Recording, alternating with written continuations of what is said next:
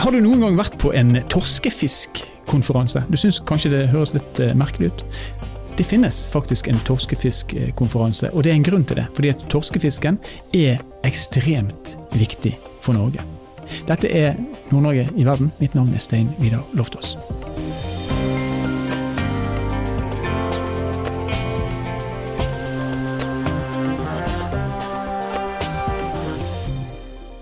Fisk er viktig for Norge. Fisk har vært viktig for Norge alltid, og det er kanskje spesielt viktig i eh, den tiden vi lever i nå. Og så har bærekraft kommet som en kule, for å si det litt barnslig, eh, de siste årene. Eh, og vi har med oss nå direktøren i Norges sjømatråd, Renate Larsen. Velkommen til oss, Renate. Tusen takk. Og så har vi også med oss Rune Haug Kori, som er bærekraftsdirektør i Aker Biomarin. Hun skal komme inn litt senere i sendingen, men allerede nå sier jeg Velkommen til deg også, Runa. Tusen takk. Jeg starter med deg, Renate, fordi at mange av lytterne våre er selvfølgelig vel bevandra i både fisk og torskefisk og i Sjømatrådet, men ikke alle. Eh, så det første spørsmålet er, Sjømatrådet, hva er det, og hva er oppgaven deres? Ja, um, Sjømatrådet er jo et selskap som er eid av Nærings- og fiskeridepartementet, men som er finansiert av sjømatnæringa sjøl gjennom ei lovpålagt markedsavgift. Uh, vi jobber med å øke verdien på norsk sjømat i hele verden. Eh, og det gjør vi gjennom å jobbe med å øke etterspørselen og øke kunnskapen om norsk sjømat. Mm. Vi har hovedkontor her i Tromsø. Her er vi ca. 45 ansatte. Høyt utdanna, flinke folk som jobber med markedsføring, markedsinnsikt, kommunikasjon og beredskap, og administrasjon. Og I tillegg så har vi 13 kontor rundt omkring i hele verden, med fiskeriutsendinger og med noen lokale ansatte. Og norsk fisk eh, står ganske godt i verdensbildet, gjør det ikke det? Norsk fisk står veldig godt i verdensbildet. Vi kan bare si at norsk fisk eksporteres til 145 land eh, årlig, eller 149 faktisk, i fjor. Det betyr at 75% av alle land i hele verden mottar norsk fisk. Det er fantastisk. Og det har økonomisk betydning også for AS Norge. Hvor mye verdier er det vi snakker om eh, når vi snakker om norsk sjømat? Ja, i fjor så passerte vi den magiske 100-milliardersgrensa i eksportverdi av sjømat fra Norge. Eh, så i fjor så endte vi på 107,4 milliarder i eksportverdi. Og det er den raskest voksende eh, eksportnæringa som vi har i Norge. Det var en dobling på åtte år. Det er fantastisk. Ja, det er fantastisk. Og nå eh, har det altså vært torskefiskkonferanse i tre dager, i år riktignok eh, digitalt. Hvorfor trenger man en torskefiskkonferanse? Det er jo fordi at torsken er så viktig. Ja. Du, det har vært tradisjon i veldig mange år at eh, vi på høsten samles eh, som næring, sjømatnæring, den som jobber innenfor denne bransjen i hele landet. Bruker vi å møtes i Tromsø for å ha en konferanse, oppdatere oss både på status, se litt fremover og, og se hva det er slags utfordringer som møter oss, og ha et sosiallag. Det har vært tradisjon for at det har vært over 400 påmeldte hvert år fysisk til stede her i Tromsø. Ja og i år på, på, stream. I år er det digitalt, så i år har vi jo valgt å, å kjøre én time morgensending eh, eh, tirsdag, onsdag, torsdag. Ja. Så det virker som at det har vært ca. samme deltakelse digitalt òg, med over 400 deltakere, så det syns vi er fantastisk. Like faglig bra, kanskje ikke like artig på kvelden, men eh, vi, vi har jo lært i løpet av 2020 at det digitale det fungerer godt. Men torskefisk, som jeg forstår da, er torsk, hyse og sei? Ja, blant annet. Blant annet, det finnes mm, også i familien. Ja. 149 land. Eh, hvem er det som spiser torskefisken vi eksporterer? Ja, um, det er noen store uh, markeder for torskefisk. Et av dem er Storbritannia. hyse og torsk. Veldig viktig hvis du slår sammen både hyse og den torsken, så er faktisk de det største markedet for norsk torsk. Ja. Eh, et annet marked som er veldig viktig, er jo Portugal, men da er det jo på klippfisk. Da er mm. torsken blitt klippfisk. Andre markeder er jo Sverige, Frankrike, Tyskland, eh, på fersk eh, torsk. Spania er òg veldig viktig. De elsker skreien fra Norge. Og så har vi jo også andre markeder. USA sender vi en god del til. Tørrfiske tørrfisken må vi jo ikke glemme, Italia er jo kjempestor, og det er jo tørrfisk av torsk som ja. selges dit. Hva med oss sjøl, nordmenn, spiser vi torsk? Ja, Vi, vi, spiser torsk, men vi burde spise absolutt mye mer eh, torsk. Det har jo dessverre vært en nedgang i sjømatkonsumet her hjemme de siste årene, så vi får slå, slå, et slag for at vi får spise litt mer torsk, og spesielt til neste år. Ja. Torske godt, torske sunt. 2020 har vært et spesielt år på veldig mange måter. Eh, og når jeg satte satt meg litt inn i statistikken eh, før vi skulle ha denne praten vår i dag, så ser jeg at eh, det har på en måte vært eksportrekorder år etter år etter år. etter år. Og så sier man at nå i 2020 så mm, kommer vi sannsynligvis ikke til å, til å ta noen nye rekorder. Jeg antar det, det gjelder også for, for, torskefisken. Hva er det som har skjedd? Og jeg vet at du kommer til å si eh, virus. Mm. Hva gjør vi i forhold til det? Etter tredje kvartal så lå vi jo eh, etter fjorårets på eksporttall. Vi starta i år med fantastiske eksporttall, både på torskefisk og på andre arter. Eh, men så ramma jo korona oss, og vi fikk ei nedstenging av restaurant- og horekamarkedet, Ja. Og eh, mye av grunnlaget for salget ble borte. Hva gjør vi fremover med den utfordringa? Ja, det er et godt spørsmål. Det er utfordrende, fordi at akkurat nå så, eh, for neste år så har vi jo økte kvoter for torsk. Vi har samtidig eh, koronasituasjon som vil vedvare ganske sikkert fremover. Vi har en situasjon der vi også ser for oss at vi kan komme til å miste MSC, altså miljøsertifiseringa, på eh, torsken vår. Og vi har et marked der kjøpekraften er redusert. Sånn at det er utfordrende sår å jobbe med, med eksport av mm. sjømat. Men, men altså, viruset har, har jo påvirka oss på utrolig mange måter, og jeg kjenner at jeg er egentlig nesten litt lei av å snakke om det. Det er sikkert dere også som, som jobber imot eksportmarkedene. Men folk spiser jo endog, gjør de ikke det? Altså, man, hvorfor slutter man å spise fisk fordi at uh, man blir rammet av et virus? Det, har det kun med økonomi å gjøre, eller? Nei, det har med at eh, fisk i veldig stor grad har blitt spist på restaurant. Folk opplever kanskje at fisk er litt vanskelig å tilberede, og veldig mye av eh, ferske fisken fra Norge går til restaurantmarkedet. Mm. Eh, nå har jo det stengt ned i veldig mange land fra i mars i år, mm. og det gjør at folk må lære seg å tilberede fisk hjemme. Ja. Og det gjør de faktisk. Bare for å bruke et eksempel på USA, men noe som er sikkert det samme for Europa der folk spiser tre av fire sine måltider om dagen, eh, enten på restaurant, i kantinen eller andre serveringssteder, mens nå spiser de 88% av måltidene hjemme. Ja. Da må vi begynne å lære oss å lage mat. Og terskelen for å lage fisk har kanskje vært litt høyere, men vi ser at det er økning på eh, hjemmekonsum av fisk. Bare i USA så har det vært økning på over 20% på torskesalget på butikk til hjemmekonsum. Det samme ser vi i Sverige. Så det er jo noe positivt her. Flere lærer seg å tilberede fisk. Ja. Og det er alle vi som har laga litt mat, jeg skal ikke uttale meg på vegne av alle, men Sjøl så syns jeg at det faktisk er enklere å tilberede fisk enn å tilberede kjøtt, f.eks. Det er jeg helt enig i.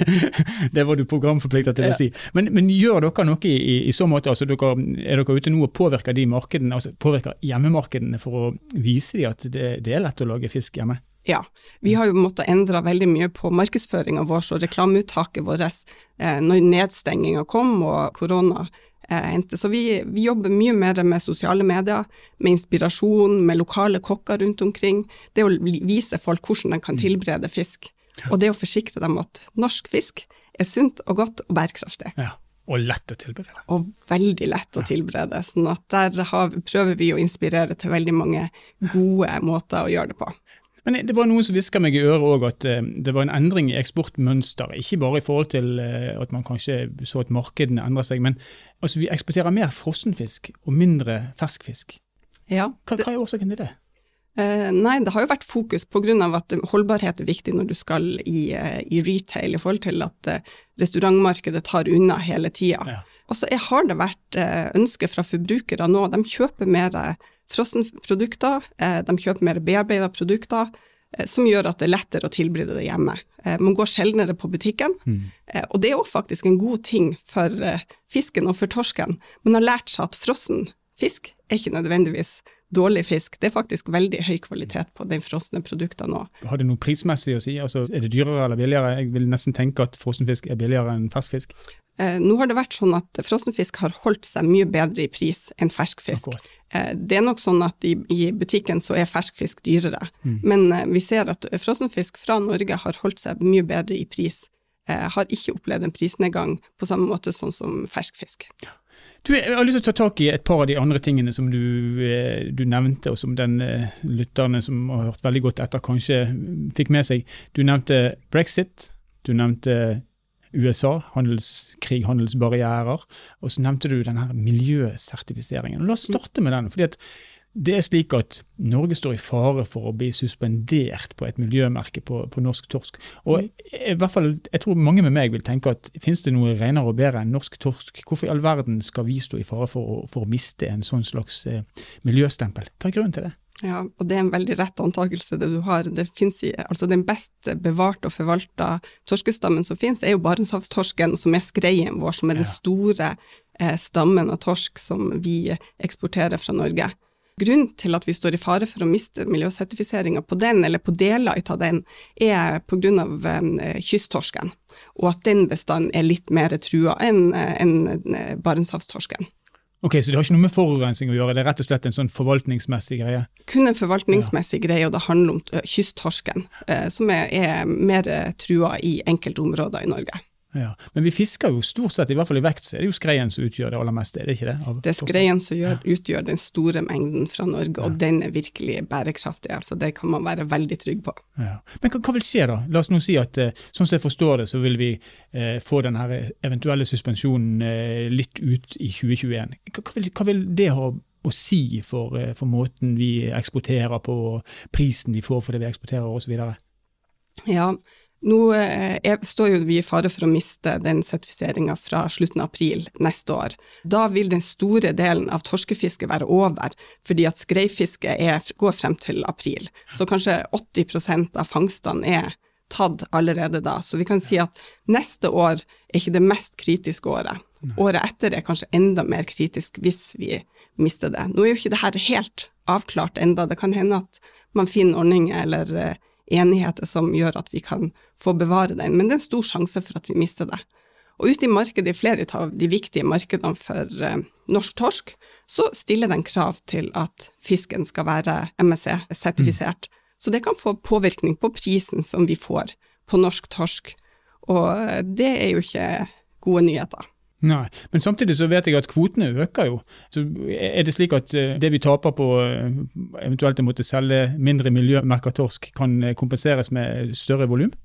Ja, det er nok en, større volum kan jo også gi et prispress i ja, et vanskelig marked. Ja. Eh, sånn at du kan si at det er utfordrende og uforutsigbart på flere måter til neste år, i og med at det både kommer større volum, og at en av de viktige premissene står i fare. Så det gjør jo at det kan bli både vanskeligere å få solgt produktene våre, og det kan bli press på pris. Hva kan vi gjøre for å bevare den eh, sertifiseringen der? Kan vi gjøre noe for å beskytte kysttorskstammen, og, og dermed fortsatt være med på øverste hylle? Ja, jeg vil jo si at Norge er et av de landene, om ikke det landet i verden, som er best på forvaltning av sine fiskebestander. Eh, så her jobber jo HI eh, og norske myndigheter, Fiskeridirektoratet, godt med å se på hvordan man skal få det til. Og eh, havforskning, det er jo et norsk begrep, er jo, vi er jo gode på det. Så, så vi må finne, finne løsninger på det nesten litt ironisk å tenke på at vi som i hvert fall liker å tenke på oss som så bevisst, faktisk kan da risikere å bli degradert til andredivisjon. Vi får håpe ikke det skjer. Men du nevnte også brexit. Og jeg husker tilbake fra nå har jo den brexit pågått veldig lenge, så jeg skal ikke være for sikker på hvor tid det var, men kanskje for halvannet år siden. Da hadde vi en av kollegaene dine her som snakka om at markedstilgangen til Storbritannia den, var, den, tok man veldig på alvor, og man skulle ha egne bilaterale avtaler. Nå hører jeg at man er litt mer bekymra for hva vil skje med det kjempestore markedet eh, Storbritannia, United Kingdom and Northern Ireland. Hva, hva er status der? Ja, nå eh, var jo eh, fiskeri- og sjømatministeren med på torskefiskkonferansen der han prata om litt om det, og da gjorde han en liten sånn forventningsavklaring eh, allerede der da han sa at vi kan nok ikke vente full frihandelsavtale. Og det er jo synd, det skulle vi selvfølgelig ønske når vi kunne forhandle på nytt med Storbritannia. Men den største utfordringa nå er jo at vi ikke har en avtale på plass, og vi går inn mot årsskiftet uten en avtale. Ja. Det kan jo forhåpentligvis føre til at de viderefører det som er, og at vi kan få handelen til å fungere. Alternativet er jo selvfølgelig at det blir både økte tollsatser og vanskeligere å få varene over grensa. Så det er litt usikkert, men vi vet at myndighetene tar det her veldig på alvor og jobber godt. Men eh, det er utfordrende tider nå å få på plass en avtale. Ja. Du nevnte også USA, og det er jo for tiden mitt yndlingstema, handelsbarrierer. Ikke, kanskje ikke isolert sett, men det som skjer i USA. Hvordan merker norsk eksport av sjømat eh, det som skjer i USA? Ja, Foreløpig så er vi jo ikke så hardt ramma. I koronatida nå så har det jo vært transport som har vært utfordrende, og er fremdeles det. da. Så vi ser jo at mye av den, altså vi har ikke noe økning i USA eh, sånn som vi har hatt de siste årene, der det har vært et veldig viktig vekstmarked for norsk eh, sjømat. Sånn at um, akkurat nå så er nok korona større utfordring enn akkurat det som går på den handelskrigen. Uh, men det er selvfølgelig ikke, ikke, bra at ikke det er på plass, og vi skulle ønske at vi hadde kommet lenger i å få avtale med USA. Ja. Du, Siste spørsmål er en ting som jeg kanskje lurer mest på privat. for Du, du er sjefen av eksport av alt som lages av sjømat. Eh, og Torskefisk er kjempeviktig, det står for 13-14% av eksporten. Vi vet at oppdrettslaksen er viktig. Men hva er det sjømatproduktet som vi får best betalt for? Altså Nå tenker jeg ikke i sum, men sånn i, om du måler det i kilo eller hva du gjør. Ja, da er det nok eh, levende skalldyr, altså kongekrabbe, sjøkreps. Eh, så det er nok det som, er, som, leveres eh, dessverre til restaurantmarkedet, som nå er delvis stengt. Men det er nok de dyreste produktene fra Norge der vi kan si at det er virkelig high end. Ja. Men i sum så er det oppdrettslaks og torskefisk kanskje som utgjør det meste? Laksen er jo det store volumet, ja. volumet og består jo for eh, en, over 70% av eksportinntekter eh, totalt sett. Så, så i volum og pris og det som holder seg mest stabilt, er jo helt klart laksen. Tusen takk skal du ha, Renate Larsen, direktør i Norges sjømatråd.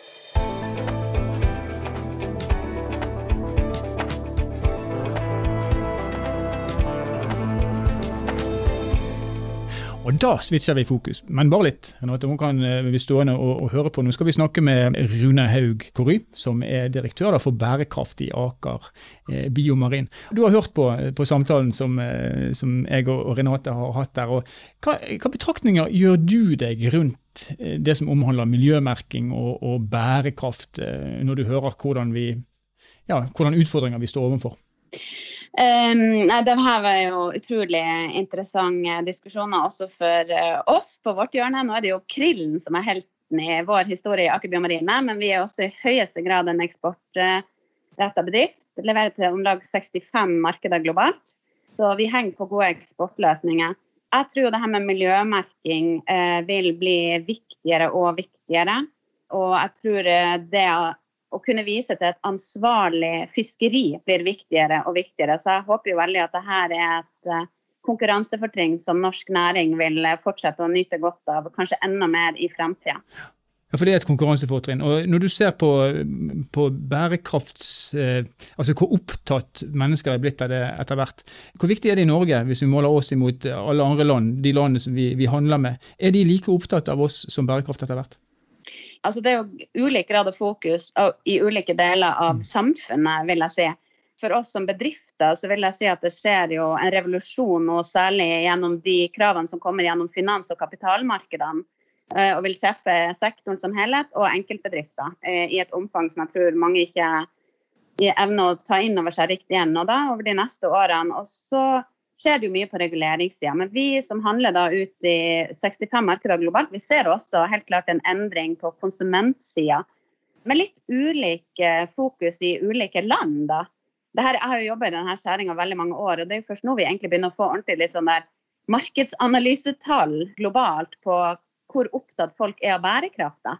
Eh, blant annet det her eh, danske Nilsen, som er et sånt anerkjent markedsresearchbyrå, som gjorde en veldig interessant analyse i 2018 eh, i alle verdensdeler, og fant jo det at eh, virkelig knuste denne myten om at miljøet det er noe de er opptatt av liksom, på, i øvre sjikt og på Grünerløkka si, i Oslo vi så at det var en veldig stor bevissthet, eh, med litt sånn problemfokus, selvfølgelig. Folk begynner å bli bekymra fordi man begynner å se effektene på kroppen mm. i ulike deler av verden. Du kan si Asia, det er kanskje luftkvalitet, Latin-Amerika, ferskvann. Det er liksom ulike ting. Asia, som er et veldig viktig marked for oss, og for eh, helt sikkert også torskefisknæringa. Så ser vi at det her med traceability, som vi kaller det, sporbarhet, er veldig viktig i sluttbrukermarkedene, f.eks. Så vi ser helt klart at um, planter seg et økende fokus uh, også i sluttbrukermarkedene. Og det er jo, vi treffer jo det typisk når vi kommer ned på de såkalte retailers, eller innkjøpskjedene. da. Ja, Men for å ta det helt tilbake til jeg, det vi kanskje burde starte med. Aker Biomarin og de produktene som dere eh, produserer eh, basert på det dere finner i sjøen. Hva er det for noe? Aker Biomarine vi er jo da et eh, sånn helt integrert selskap som fisker og prosesserer og produktutvikle krill. Så krill det er jo et lite krepsdyr helt nederst i det marine økosystemet. Eh, og det finnes krill overalt i havene. Faktisk, fun fact, så er det om lag eh, to ganger så mye krill i volum som det er mennesker på planeten. så det er mye krill. Men han eh, står særlig tett i stima i Antarktis, og det er der vi fisker. Ja. Eh, så vi er jo da et typisk biotekselskap. Vi eh, prosesserer krillen til produkter som går inn i akvakulturfôr. Det går i sånne her kosttilskudd rett til mennesket. Og vi driver også og utvikler litt sånn spennende eh, produkter som skal gå rett inn i menneskemat også. Så vi er veldig også opptatt av du kan si, det her store bærekraftsbildet som også torskefisknæringa sogner inn under da, i forhold til det globale matsystemet.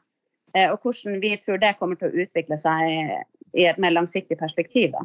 Ja, la oss, la oss, holde fast ved det. Eh, vi vet jo at Havrapporten som i fjor var lagt fram for Klimapanelet, den konstaterer jo at eh, havet er en viktig løsning. På, både på klimaproblemene for den saks skyld, men også på det matproblemet som kloden kan stå overfor. Hvordan bør man gå frem for å få til det her på en best mulig måte, sånn som du ser det? For det første er det å ta inn over seg det her makrobildet. For at uh, vi står altså i en situasjon hvor vi frem mot 2050, da, for å trekke den litt lengre, men uh, absolutt den horisonten som store deler av både politikk og finans allerede orienterer seg mot, så vet vi at vi kommer til å være 10 milliarder mennesker på planeten. Vi vet at de trenger å øke matproduksjonen fra i dag frem mot 2050 med ca. 70% Det er helt sinnssykt mye. Ja. Uh, så vet vi at situasjonen er i dag at ca. 2% av matproduksjonen kommer fra havet, mens planeten er dekka av 70% hav. Så den 70 %-veksten den kan ikke tas på landbaserte ressurser. Der er det allerede sterkt press. Eh, og det her er på en måte ikke noe vi har funnet opp å gå rundt og sier. Det internasjonale klimapanelet løfta det senest i 2019. At eh, eh matproduksjonen eh, på land er veldig pressa. Det handler om tilgang til land, det handler om tilgang til ferskvannsressurser, det handler om CO2-utslipp. Og en 70 økning i, i matproduksjon, det, det, kan ikke landjorda alene bære, selv med masse innovasjon, som vi jo allerede ser. Sånn at vi er nødt til å tenke nytt om hvordan vi bruker havet. Og det er jo litt en sånn perspektiv som er veldig sånn, aksept, lett å akseptere i Norge, fordi vi har en lang kultur for å høste av havet. Men vi som opererer i internasjonale markeder og gjør mesteparten av markedsarbeidet vårt på helt andre kontinent, vi ser at dette er noe som er litt vanskelig å nå frem med mm. eh, i en del andre markeder. Fordi man har en sånn idé om at havet, der står det forferdelig til, og det må vi bare verne. Og vi skal jo verne havet for all del. Det er utrolig viktig å ta tak i denne plast i havet-tematikken, som jo også handler om dårlig avfallshåndtering på land. Da. Men eh, det er viktig å sette fokus på bærekraftige fiskerier, og der kan jo Norge gå eh, i bresjen. Som Renate nevnte, vi er utrolig gode på forvaltning og, og, forskningsbasert forvaltning.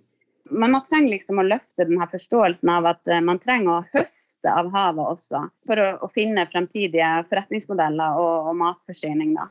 Hva er de konkrete løsningene på det? For Du sier at 2% av det vi spiser kommer fra havet. Havet er 70 og vi, vi, må spise mer fra havet. Hva er det vi skal spise? Er det mer oppdrett, eller er det, er det, er det arter vi, vi, kunne spist, ikke vi spiser? Hvor ligger proteinet henne? Ja, jeg tror jo at uh, oppdrett er en del av uh, fremtidens uh, matsystem i høyeste grad. Jeg tror det ligger et uforløst potensial i oppdrett. Så har oppdretten selvfølgelig en del bærekraftutfordringer som den må løse, og jeg tror vi kommer til å se mye innovasjon innenfor oppdrett. Men det er jo et litt viktig perspektiv å ha med seg at vi har dyrka landjorda i tusenvis av år. Vi har så vidt begynt å dyrke havet. Så klart mm. at uh, vi er ikke i mål på læring og, og innovasjon der. Eh, men altså, Bærekraft i havet er selvfølgelig viktig, og du sier at veldig mange er opptatt av å verne havet. Men vi har mye å gå på. Vi har mye vi kan hente fra havet. Samtidig så er altså Norge, som er da verdensmester i å forvalte havet, de er da nærmest nå stempla ned en divisjon fordi at eh, vi ikke har full kontroll på kysttorskstammen kontra skreistammen. Hvordan skal vi klare å løse det, at vi skal, kunne øke produksjonen uten at noen sier at da går det på bekostning av noe annet, og ergo så skal du la være? Ja, der har jeg ikke noen uh, veldig gode svar, utover at jeg tror at det kommer uh, potensielt til å bli økt kompleksitet rundt sånne her prosesser. Også fordi klimaendring uh, bidrar jo til en del, å drive frem en del endringer i havet. Jeg tror nesten de her konfliktene må løses unna for unna. Men jeg tror jo kanskje også at man ja, Det er jo for så vidt en prosess som er i gang i Norge, da, men vi har jo vært opptatt av det her å høste lavtrofisk og tenke nytt om hva man kan ta ut av havet. da. Mm. Krillen er jo en lavtrofisk art. Ja, ikke sant. Ja, og Om noen skal få det til, så er kanskje Norge i en særstilling med vår lange erfaringer med det. Du snakker så vidt om bærekraftstrendene eh, rundt om i de forskjellige markedene. og eh, Når du har hørt det Renate forteller om eh, de store volumene vi eksporterer, og vi har en kvoteøkning neste år på 100 000 tonn på torskefisken, hva er det vi jeg har nesten, nesten, lyst til å si, Hva råd er det du har til Renate for hva vi bør ta hensyn til for å treffe på forbrukertrendene når det gjelder bærekraft? Um, det vi ser, og som jeg tror blir en, eh, en, en, bare en forsterkende trend de neste årene, det er det her med jeg kaller for kvantifisert bærekraft. Altså at vi klarer å vise rett og slett CO2-avtrykket ned på produktnivå. Ja. Eh, og det handler da om å ha en sånn eh, livsløpsanalyse på produktene sine. Så det tror jeg kan bli en viktig trend. Eh, og prøve å eh, på en måte dokumentere rett og slett ned på produktnivå bærekraften i, eh, i det man tilbyr inn i, i, i retail-kjedene og, og, mot sluttbrukere.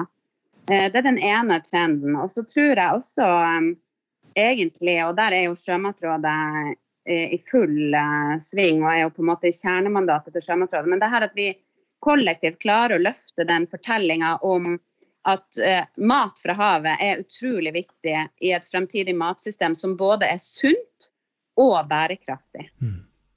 Og Norge har jo et potensial, det tipper jeg du er enig med. altså Havnasjonen Norge med sine erfaringer og sine, sine ressurser. Også havlandsdelen Nord-Norge bør vel ha en, en, viktig rolle å spille i, i fremtidsverden. Absolutt. Og så er jo vi eh, Det er jo også et uforløst potensial i havet hvis man tenker mot farmasi og marine råvarer. Eh, og Der har jo eksempelvis Tromsø vært god på et mer sånn biotech-miljø allerede, fra marint miljø. Og det, Der tror vi det ligger veldig spennende muligheter. Vi, jo, vi driver jo mye innovasjon inn eh, som går i retning helseprodukter. Så det er jo også et eh, liksom fun fact at bare en halv prosent av sånne FDA-godkjente som det heter, legemidler da, kommer fra havet. Så vi mm. tror jo også det kan ligge et spennende verdiskapningspotensial der for eh, norsk havnæring. Det høres veldig bra ut. Norge er bygd av olje og gass. Storparten av det kommer fra havet, og kanskje er det slik at den neste oljen også viser seg å komme fra havet. Tusen takk skal du ha, Rune Haug Korri. Tusen takk.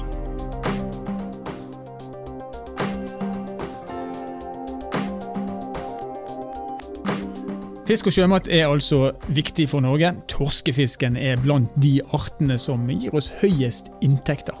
Og så vet vi at eh, bærekraft òg er kjempeviktig. Det har det alltid vært, men fokuset på bærekraft har økt veldig den siste tiden. Og det å produsere mat i havet det må gjøres på en bærekraftig måte, ellers så vil ikke man kunne gjøre det på, på lang sikt. Så Norge de kommer nok til å ha fokus både på torskefisk, på fornuftig forvaltning og på generell god bærekraft. Det er også det som forventes av markedene der ute. Og Når vi vet at eh, ja, i hvert fall eh, veldig stor prosentandel av norsk territorium, hvis jeg kan bruke et sånt uttrykk, er hav og havområder. Eh, for Nord-Norges del så er jeg tror vi sier at 70% av de norske havområdene ligger utenfor Nord-Norge. Så er potensialet for å kunne produsere mat for, som verden trenger, kjempestort i tiden som kommer. Men det må gjøres på en riktig måte.